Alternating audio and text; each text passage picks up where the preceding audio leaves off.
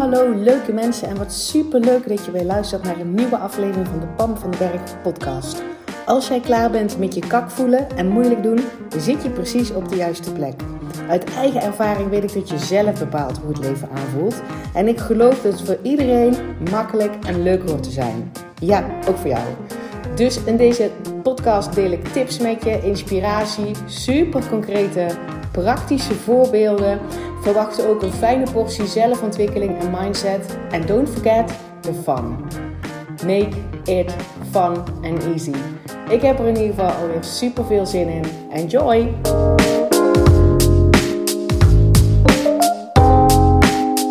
Hey, wat leuk dat je weer luistert naar een nieuwe aflevering van de Pam van den Berg podcast.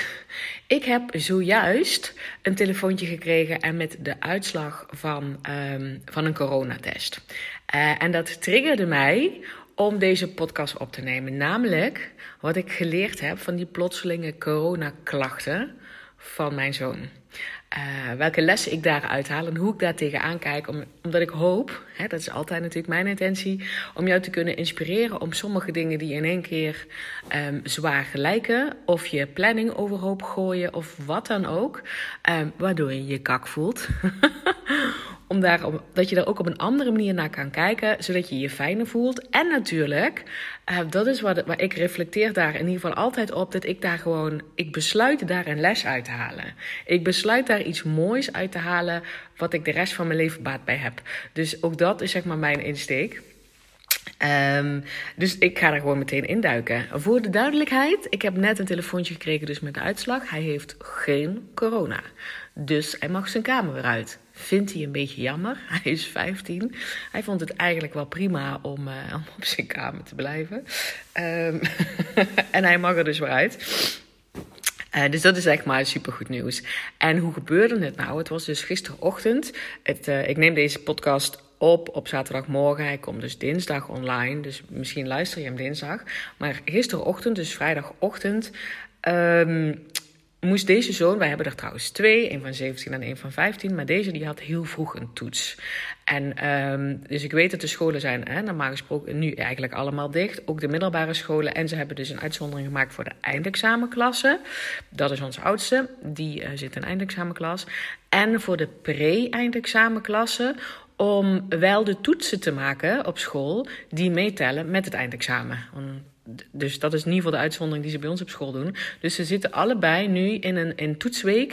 Um, nou ja, toetsweken, want dus maandag en dinsdag um, hebben ze ook nog um, toetsen. Uh, waarvoor ze allebei naar school moeten. Dus de oudste moet sowieso naar school en de jongste dus ook, omdat hij in de pre-examenklas zit. En wij waren samen om zes uur opgestaan. En ik weet dat ik in de zomer makkelijk om zes uur opsta. Meestal ben ik voor zes uur gewoon wakker. Ergens tussen vijf en zes. En dan is het licht buiten en dan heb ik onmiddellijk zin om mijn bed uit te komen. En nu, in deze maanden, ik weet niet of je dat herkent, dat het donker is buiten en koud, dan um, draai ik me graag nog een keertje om. Of ik blijf gewoon lekker liggen en ik pak er een fijn boek bij. Gewoon die opstart is voor mij nu mag een tandje. Um, of in ieder geval, ik heb besloten dat het dat allemaal gewoon wat langzamer zeg maar, mag. Um, in deze koude donkere maanden. En hij, uh, uh, onze jongste hadden zo'n toets, die begon om vijf over acht. En ze moeten iets van 10 kilometer fietsen. Dus hij besloot om zes uur op te staan. En uh, ik besloot dat ook te doen. Dus wij waren allebei om zes uur op. Um, en hij heeft gewoon zijn boterham gegeten en niet heel erg spraakzaam. Um, onze pubers zeker s'morgens niet. Er was verder niks aan de hand. En hij stapte op de fiets rond, ik denk, vijf over zeven of zo, stapte hij op zijn fiets. En um, om half acht appte hij mij. Uh, ik kom terug naar huis, want um, ik heb gewoon eigenlijk behoorlijke keelpijn. En uh, elke, elke vijf minuten moet ik... Uh, er komt er enorm veel snot in mijn keel en dat moet ik dan uitspugen. Dus het lijkt me niet verstandig om naar school te gaan. Nee, mij ook niet. Dus ik heb er terug, ja, draai maar terug. Kom maar, draai maar om en, en kom maar terug. Dus vanaf dat moment wist ik, oké, dan, uh, dan gaat het nu eventjes anders. en ik merkte dus dat ik onmiddellijk. Uh, ik voelde me wel relaxed erbij, want dit is wat het is. Ik vind dat hij een goede beslissing had genomen. Ik, ik sta daar helemaal achter. Kom maar terug. Hij gaat dus zijn um, toetsen missen die meetellen voor het examen. Um, wat moet ik dan eigenlijk doen? dus wat ik gedaan heb, ik denk: oké, ik moet die school natuurlijk laten weten dat hij die toetsen niet gaat maken. Um, en ik kon die school niet bereiken, want ja, die, die receptie is pas open vanaf 8 uur. Zijn toets begint om 5 over 8 en hij moet zich voor de toets afmelden. Dus het was een beetje krap, maar ik denk oké, dus ik kan dat pas om 8 uur bellen. Uh, toen bleek ook nog dat, ik, um, dat we dan als ouder een, een formulier getekend moeten opsturen omdat er dus een toets is voor het eindexamen en dat hij die dus mist. Um, dus er kwamen formulieren achteraan. En toen dacht ik, oké, dan gaan we een, een, afspraak maken hè, voor, die, voor die coronatest zo snel mogelijk. en onze jongste heeft gewoon nog geen DigiD. Die hebben we aangevraagd. We dachten, dan regelen we dat even en dan gaan we met die DigiD een afspraak maken. Maar ja, daar gaan drie werkdagen overheen. dus ik dacht, oké, bellen kon ook pas vanaf acht uur. Uh, um, en, daarna ging het redelijk soepel hoor, want we hebben meteen een afspraak gemaakt. En we konden geloof ik twee uur later of zo al terecht. Dus ik ben daar naartoe gereden. Ik heb ook overleg gehad met uh, de vader van, van onze kinderen. En dat is eigenlijk het eerste les waar ik uit haal. Want die zei onmiddellijk, krijg je dat geregeld? Um, dus ook al wonen wij niet apart, ook al um, voelen wij dat onze relatie zoals die was niet meer werkt.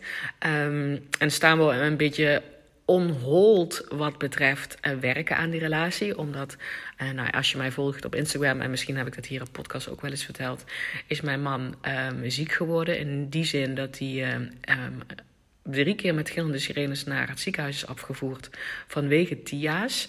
En dat hij daar nu eigenlijk aan geholpen moet worden. Um, en dat staat een beetje onhold door corona, maar ook door uh, de, uh, de, dat, dat de ziekenhuizen niet goed weten hoe ze hem kunnen helpen. Dus dat staat een beetje onhold. Um, en dus dat, dat is eigenlijk zeg maar de eerste les die ik eruit haalde. Weet je wel hoe tof het is? Dat ook al staat je relatie, um, loopt die niet zoals die gaat, wonen we zelfs niet apart. Er is echt iets aan de hand. En we voelen allebei dat als het om onze kinderen draait, dat we een team zijn. Vet, vet waardevol. Ik vind dat zo prachtig dat hij dus meteen reageert als. Oké, krijg je dat geregeld, die coronatest? Want anders had hij die verantwoordelijkheid naar zich toe getrokken. Dus ook al zijn ze op dat moment bij mij. Ja, ik, ik word er gewoon nu emotioneel van. Ik krijg er tranen van in mijn ogen, omdat ik me daar zo dankbaar voel. En niet alleen voor mezelf, hè, dat ik daar dus niet alleen in sta.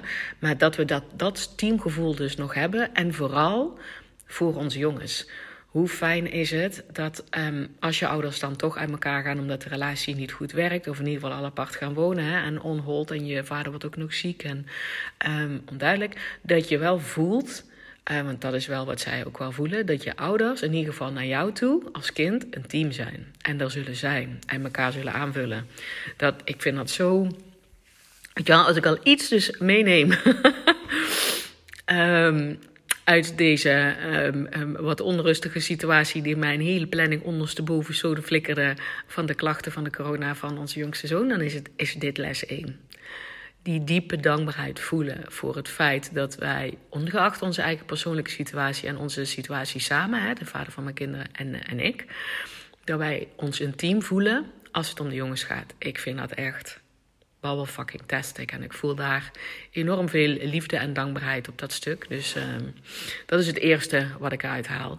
Want dat heb ik misschien niet zo duidelijk gezegd, maar ik voelde wel um, dat op het moment dat hij belde, dat ik dacht: oké, hier volgen wel acties uit. Hè? Dus mijn zoon belt, ik draai om, want dit zijn mijn klachten. En ja, dan zijn, er komen gewoon dan mag ik mijn schema uh, omgooien. Want ik was al aan het werk. Het was half acht. Maar goed, ik was dus al vanaf zes uur wakker. Dus ik was al aan het werk. Ik had een afspraak staan om half tien. Ik had een afspraak staan om één uur.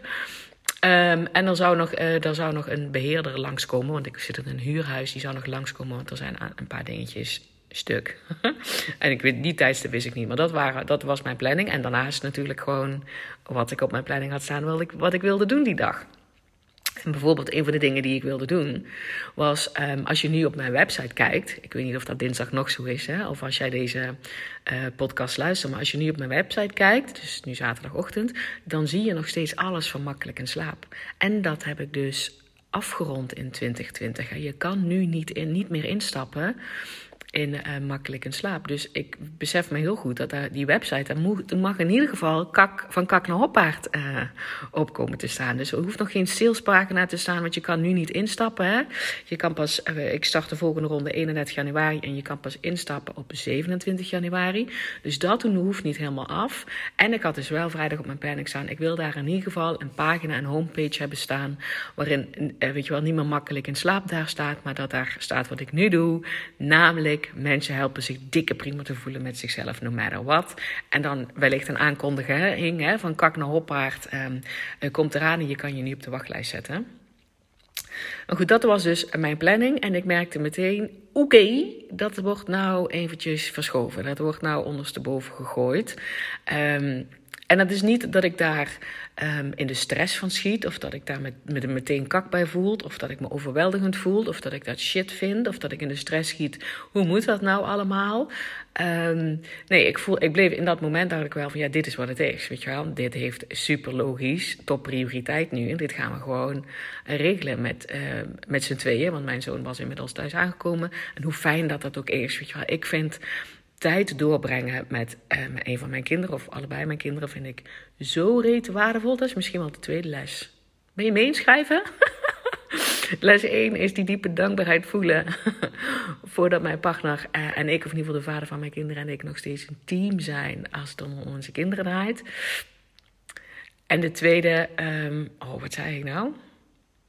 Dat dit een keuze is. Oh nee, ik weet het alweer.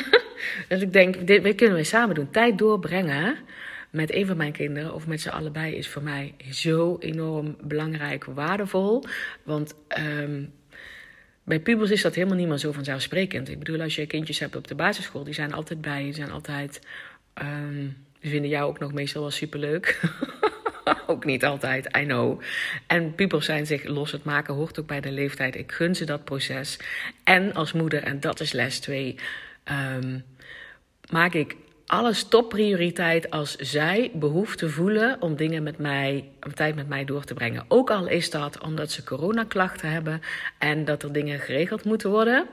Super fijn als zij voelen dat, um, dat ik degene ben die ze daarmee kan ondersteunen, begeleiden, helpen. Um, en ook, weet je wel, dat is voor mij gewoon tijd doorbrengen. Want het is niet zo dat, dat hij zei van... oké, ik heb klachten, hij doe je, ik zit boven. Nee, hij blijft daarbij. Hij weet dat er dingen geregeld moeten worden. Hij weet dat school uh, iets moet weten. Hij wil zelf ook graag weten, wat, hoe gebeurt dat nou met die toetsen? Hij weet dat hij dingen op zijn werk moet regelen. Dus hij blijft daarbij. En dat is dan, zeg maar, nu weet ik dus les 2 daaruit... vet waardevol en dankbaar dat als ik een kans zie uh, want het is een stukje het zien als, als die opportunity, hè, die kans, die mogelijkheid zien. Dat ik één op één quality time kan doorbrengen met een van mijn kinderen of allebei. Voel ik mij relaxed. Want dat is voor mij een van de belangrijkste dingen. Um, zeker nu dat steeds spaarzamer wordt, zeldzamer wordt. Uh, dus daardoor voel ik me chill. En voel ik me dus niet kak of overweldigend. Ik heb dus meteen door, dus dat, dat is de les die ik daaruit meeneem. Dan zeg ik nu dus ook tegen mezelf. Um, cool dat ik meteen zo'n situatie herken. En dat ik dat zo belangrijk maak. En dat ik me daar dus ook, omdat ik dat belangrijk vind, tijd door te brengen met een van mijn pubers of allebei, um, dat al het andere dus niet belangrijk is. Cool hè? Ja, ik vind dat ook een mooie les. Uh, dus dat is inderdaad dan de tweede les. En um, het was dus wel zo dat ik dan dus dingen ga regelen. Ik ben ook met. Um, ik ben degene die met hem inderdaad naar die test gereden is. En, uh, en dan hebben we gesprekken in de auto. Ik heb mijn eigen afspraken uh, verzet, afgezegd. Um, slag om de arm genomen, zeg maar. Uh, en toen ben ik gaan rijden. En toen ik terugkwam, toen dacht ik inderdaad eigenlijk van... oké, wat staat er nu nog op de planning? Hè? Dus die, die afspraak van één uur. En ik wilde nog graag wandelen. Dat heb je mij misschien ook wel nog zien doen. Um, en wat is nou dan nou echt belangrijk? En toen dacht ik wel, oh kak. Het ga, ik zie er niet meer van komen dat ik die website aan ga pakken vandaag. Ik had er ook helemaal geen behoefte meer aan. Maar het voelde wel op dat moment Um, uh, uh, voel, herkende ik, daar gaat het natuurlijk altijd om, dat ik me een beetje kak begon te voelen. Dus alles was geregeld, alles was gecheft. Ik had me chill gevoeld tijdens dat proces. Um, alles was eigenlijk achter de rug. Nou moeten we natuurlijk gewoon wachten op de uitslag. En hij moest binnen blijven. En um, dus dat, dus alles was rustig. En toen herkende ik het stukje Um, dan kwam een stukje kakgevoel naar boven. Van, oh shit, mijn planning is ondersteboven gestoten flikkerd. Zit, zit ik hier met mijn goede gedrag. En ik had zoveel willen doen vandaag. En dat, dat A, had ik daar geen zin meer in. Maar B, was er ook natuurlijk tijd. En verloren gegaan, niks verloren gegaan, maar wel anders gelopen dan gedacht. En dan gaat het dus, dus om dat ik mega snel dat kakgevoel herken. In plaats van dat ik daarin wegzink en analyses en dat ik het anders moet doen. En hoe moet ik nou de rest van de planning en wanneer dan wel. Ah, ah, ik doe dat niet. Ik herken meteen, ah, daar is die. Uh, daar is het kakgevoel. Um, en ik kan hem dus heel snel shiften vanuit dankbaarheid dat ik tijd heb, heb uh, doorgebracht met mijn zoon. Dat, dat teamgevoel voelen. Wat is er nou eigenlijk echt belangrijk? Wat fijn dat ik bijvoorbeeld niet in loondienst werk en, en, en van mij verwacht wordt dat ik van uur op tijd ergens ben. Um, dus ik, ik heb hem meteen geshift. Uh, en dat is niet echt een les die ik eruit haal. Dat is iets wat ik al automatisch doe. Dit is alleen een extra bonusles voor jou. dat als je je overweldigend voelt, dat het niet zozeer gaat om. Oh, ik voel me kak, dus ik doe iets niet goed. Dat het wel is, wat cool dat ik hem zo snel herken. Um, en dat ik niet in de analysestand of, of de compenseerstand of de perfectionistenstand of, of de het moet allemaal beter stand hoef te schieten. Uh, want meestal maak je je kak dan groter. Wel, wat je dus wel kan doen, is herkennen: hé, dankjewel, wat cool dat ik het nou zie. En ik maak een andere keuze in hoe ik mij nu voel. Dus dat gaat er puur om hoe kan je op dat moment tegen diezelfde situatie aankijken. Dus in plaats van kakken wat ik gedacht had, uh, om te doen vandaag lukt niet. En waar moet ik dat allemaal compenseren? En hoe moet ik dat dan allemaal in elkaar zien te proppen? Dat voelt kak. Tenminste, dat was mijn gedachte in eerste instantie. En die vond ik niet zo chill. Ik vond het veel chiller dat ik dacht: oh, dit is echt wel fijn quality time met mijn zoon. Wat fijn dat, het zo snel, dat we zo snel terecht konden. Um, ik ben er al eens eerder geweest met onze andere zoon bij die test. Moesten we heel lang wachten en echt stapvoets rijden. En uh, stonden we heel lang in de rij. Nou konden we in één keer doorrijden. En mijn zoon vond het ook allemaal heel erg meevallen, zeg maar, de test. Er waren zoveel dingen waarin ik, waar ik zeg maar aan kon denken en anders naar de situatie kon kijken. Waardoor ik me weer voel. En dat is voor mij mega belangrijk, weet je wel. Als je van mij wil leren van kak naar hoppaard, is dit een van de dingen. Dat je, je dat je het belangrijk maakt hoe jij je voelt. En dat je daar dus je effort in stopt. En dat is niet van keihard werken, hè? van ik moet eerst allemaal dingen gecheft hebben en dan voel ik me pas oké. Nee, in het moment herkennen, um, erom grinniken. Ik, ik, hoop dat je dat mij ook vaak genoeg ziet doen op Instagram. Um, en hem shiften naar hoe kan ik ook naar deze situatie kijken zodat ik me beter voel. is geen les voor mij, maar ik wil hem wel graag even meegeven als, als les voor jou. Want de laatste les die ik daar dus inderdaad ook nog uitgehaald heb en die, her, um, die bedacht ik me net, want ik heb hard gelopen en, um, en daarna ben ik gaan douchen. En onder de douche dacht ik in één keer: Weet je wel hoe chill het is dat ik dus zo flexibel ben? Dus ik heb een planning. Um, hij wordt door omstandigheden van buitenaf de onderbroken, um, en, en, weet ik veel, zeg maar hè, iets anders waar ik niet per se invloed op heb. Want ik kan niet weten wanneer mijn zoon coronaklachten krijgt.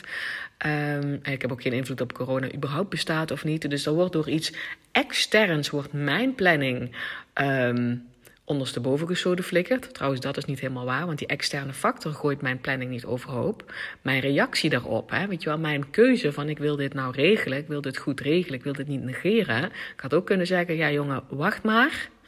Je hebt coronaklachten, ga maar boven zitten. Ik ga eerst mijn werk doen en dan ga ik wel even kijken wat ik kan regelen. en dat lijkt misschien alsof dat helemaal geen keuze is. Ik ben me bewust dat dat wel een keuze is. Dus het is mijn keuze dat ik dit externe ding, deze externe omstandigheid, heb laten. Um, ja, interferen, dat is het Engels woord, maar hoe doe je dat nou? Met um, invloed heb laten hebben op mijn planning. Ik heb, ik heb daarvoor mijn planning uh, ondersteboven gegooid. En ik voelde me tijdens het proces chill. Zodra ik daar af en toe later, na afloop, een kakgevoel um, van herkende, wist ik die razendsnel te shiften. En ik bedacht dus de, mijn belangrijkste les die ik hieruit meeneem en waar ik vet dankbaar voor ben, is dat ik mezelf dus, ik stond me dus onder de douche aan het inprenten, want dat is wat ik doe. Ik ben rete flexibel.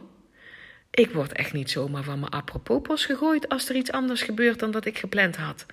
En dan is misschien wel voor jou heel erg vanzelfsprekend, omdat jij van nature heel erg flexibel bent. Voor mij niet. ik was echt niet flexibel. Ik had maar, ik had wat ik leefde met het leven zwaar, moeilijk en ingewikkeld. En ik dacht dus van tevoren dingen uit. En dat was de enige manier waarvan ik dacht: dan is het oké. en al het andere is niet oké, want dat maakt het weer zwaar, moeilijk en ingewikkeld. Dus als er dan mijn planning, iets, iets mijn planning ondersteboven had um, gesjoefeld, dan had ik dat gezien als: oh nee, oh, nou moet ik het gaan compenseren. Oh, wanneer moet dat nou? En oh, waarom heb ik dat? Nou, ik weet niet wat ik daar allemaal deed, maar ik was, geloof me, ik was geen flexibel persoon.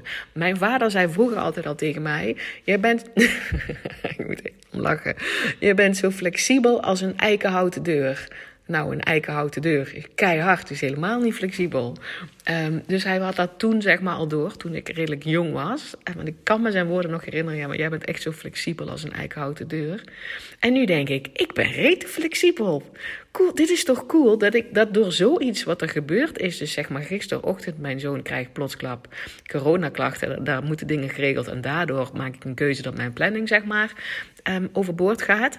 En ik voel nu, een dag later, dat ik denk, maar dit is fantastisch. Dit betekent gewoon dat ik een rete flexibel persoon ben. Dat klinkt cool. Dat is, weet je wel, ik voel meteen, ik ga daar goed op als ik flexibel ben. Dat ik, me, dat ik niet zo star ben. Want als ik star, star gedraag, zeg maar, hè, dat er maar één goede manier is. Dan kan ik me heel snel kak voelen. Terwijl als ik die flexibele persoon ben, ik voel me flexibel, ik ben veerkrachtig, ik kan me makkelijk aanpassen en ik voel me nog steeds chill.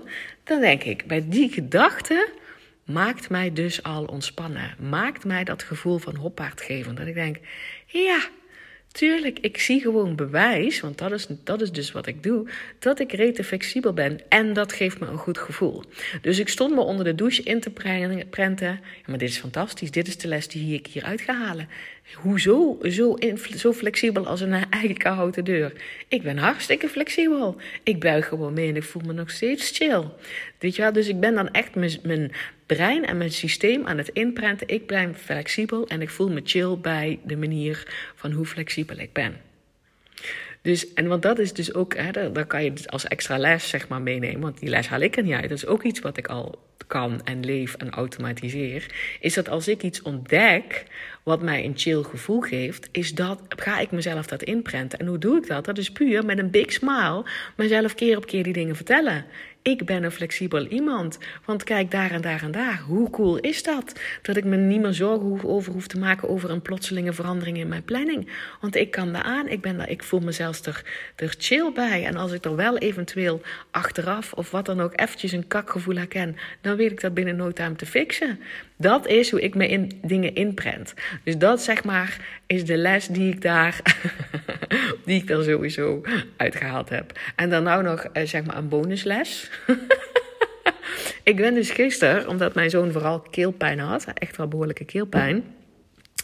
Uh, ben ik thee voor hem gaan zetten met honing erin. Omdat ik ergens in mijn achterhoofd had, volgens mij is, dat, is honing verzachtend voor je keel.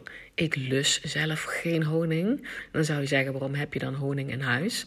Uh, ja, dat is niet voor mijn brood te smeren of zo. Mijn vader die smeerde het vroeger wel eens op zijn brood. En dat vond ik zo ranzig uitzien. Dat was ook altijd zo'n helemaal versuikerd potje met van die harde suikerfratsen of zo erin. Ugh, ik ga al over mijn nek als ik eraan denk. Dus ik heb dat...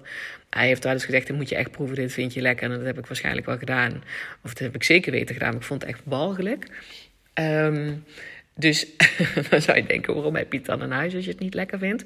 Ik heb dat dus in huis omdat ik weet dat mensen dat lekker vinden in hun... Sommige mensen dat lekker vinden in hun thee. En ik dus ook een VIP-dag geef. En op dit moment met, mijn, um, met de corona-dingen geef ik die VIP-dag gewoon bij mij thuis. Dus ik gun mensen die bij mij thuis zijn en die het lekker zouden vinden om honing te gebruiken in een thee, dat die optie er ook is. Dus daarom heb ik dat in huis.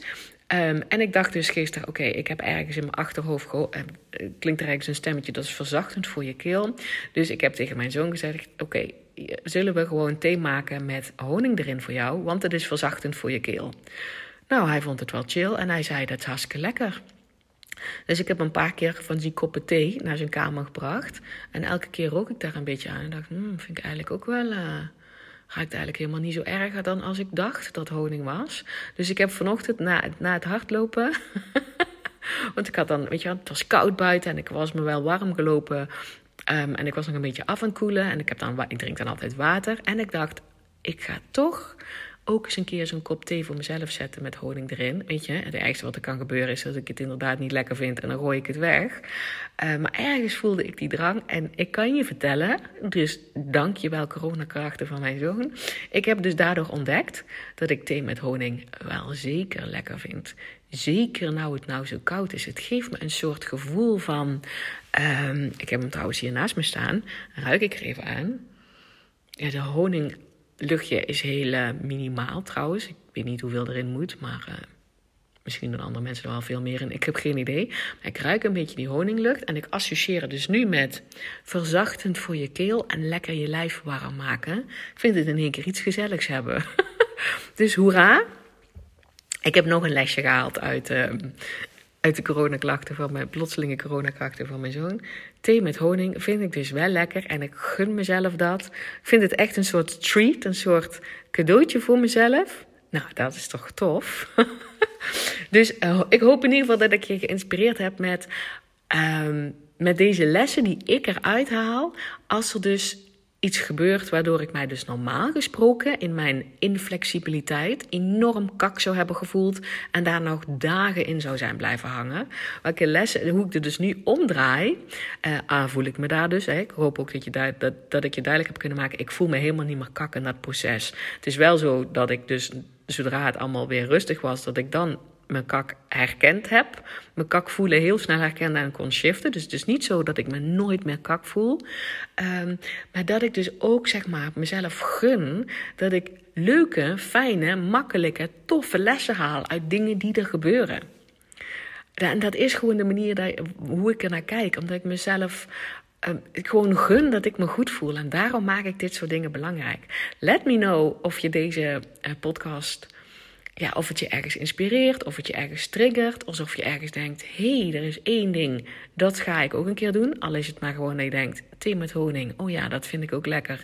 Ben ik het is een beetje van mijn vizier afgegaan. Ik ga een lekker kopje thee met honing van me zetten.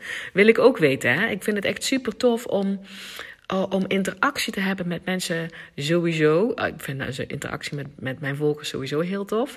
En omdat het met die podcast nog een beetje minimaal is, Weet dat ik het super tof vind als je mij een DM stuurt op Instagram of een mailtje stuurt.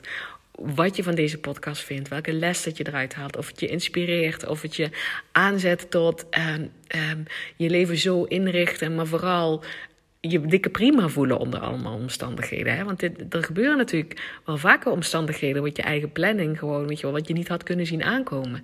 En dat je, uh, ik hoop je dus te inspireren dat je ook dan jezelf goed kan voelen. En dat, dat ik, ik, ah, ik gun je zo, en dat, daarom deel ik dit soort concrete voorbeelden van mezelf.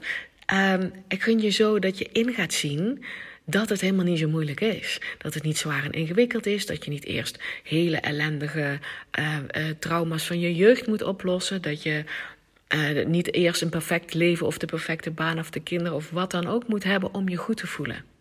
Dat, dat goed voelen, dat kan je nu doen in alle omstandigheden. En dat is wat ik iedereen gun. Dikke prima zijn met jezelf. Je dikke prima voelen. No matter what. Yes? Stuur mij een berichtje als je dit een leuke podcast vindt. Of deel hem op Instagram en tag mij, want dan zie ik wie er luisteren en dan zie ik ook welk inzicht dat je eruit gehaald hebt. En als je meer wil leren van mij, als je echt wil gaan ownen dikke prima te zijn met jezelf, dan zet je naam nog even op de wachtlijst van Kak naar Hoppaard. De deuren gaan open de 27e. En als je op de wachtlijst staat, krijg jij 24 uur eerder de mogelijkheid uh, om je aan te melden. Dus dan kan je de hele rij gewoon skippen sta je meteen vooraan. Kan je eerder op die knop drukken dan iemand anders. En ik ga er een dikke vette korting aan hangen voor de mensen op de wachtlijst. Ik wil gewoon die mensen belonen die nu al aan alles voelen. Gooi maar open die deuren. Ik wil erbij zijn. Die wil ik gewoon belonen. Dus die eerste, dus dat is alleen geldig, die extra korting, als je op de wachtlijst staat. Yes, ik spreek jou heel graag weer bij de volgende podcast. Hey, dankjewel weer voor het luisteren. Mocht je deze aflevering nou waardevol hebben gevonden maak dan even een screenshot en tag mij op Instagram. Zo inspireer je anderen en ik vind het ontzettend leuk om te zien wie er luistert. En als je mij ook nog zou willen helpen om deze podcast groot te maken, laat dan alsjeblieft een korte review achter op iTunes. Je gaat daarvoor naar iTunes, zoek de Pan van de Berg podcast op, scrolt helemaal naar beneden en laat een korte review achter. Hoe meer reviews er zijn, hoe makkelijker de podcast namelijk gevonden wordt en hoe meer mensen ik kan bereiken met mijn boodschap. Ik zou je daar heel erg dankbaar voor zijn. Uh, dus dankjewel alvast en tot de volgende keer.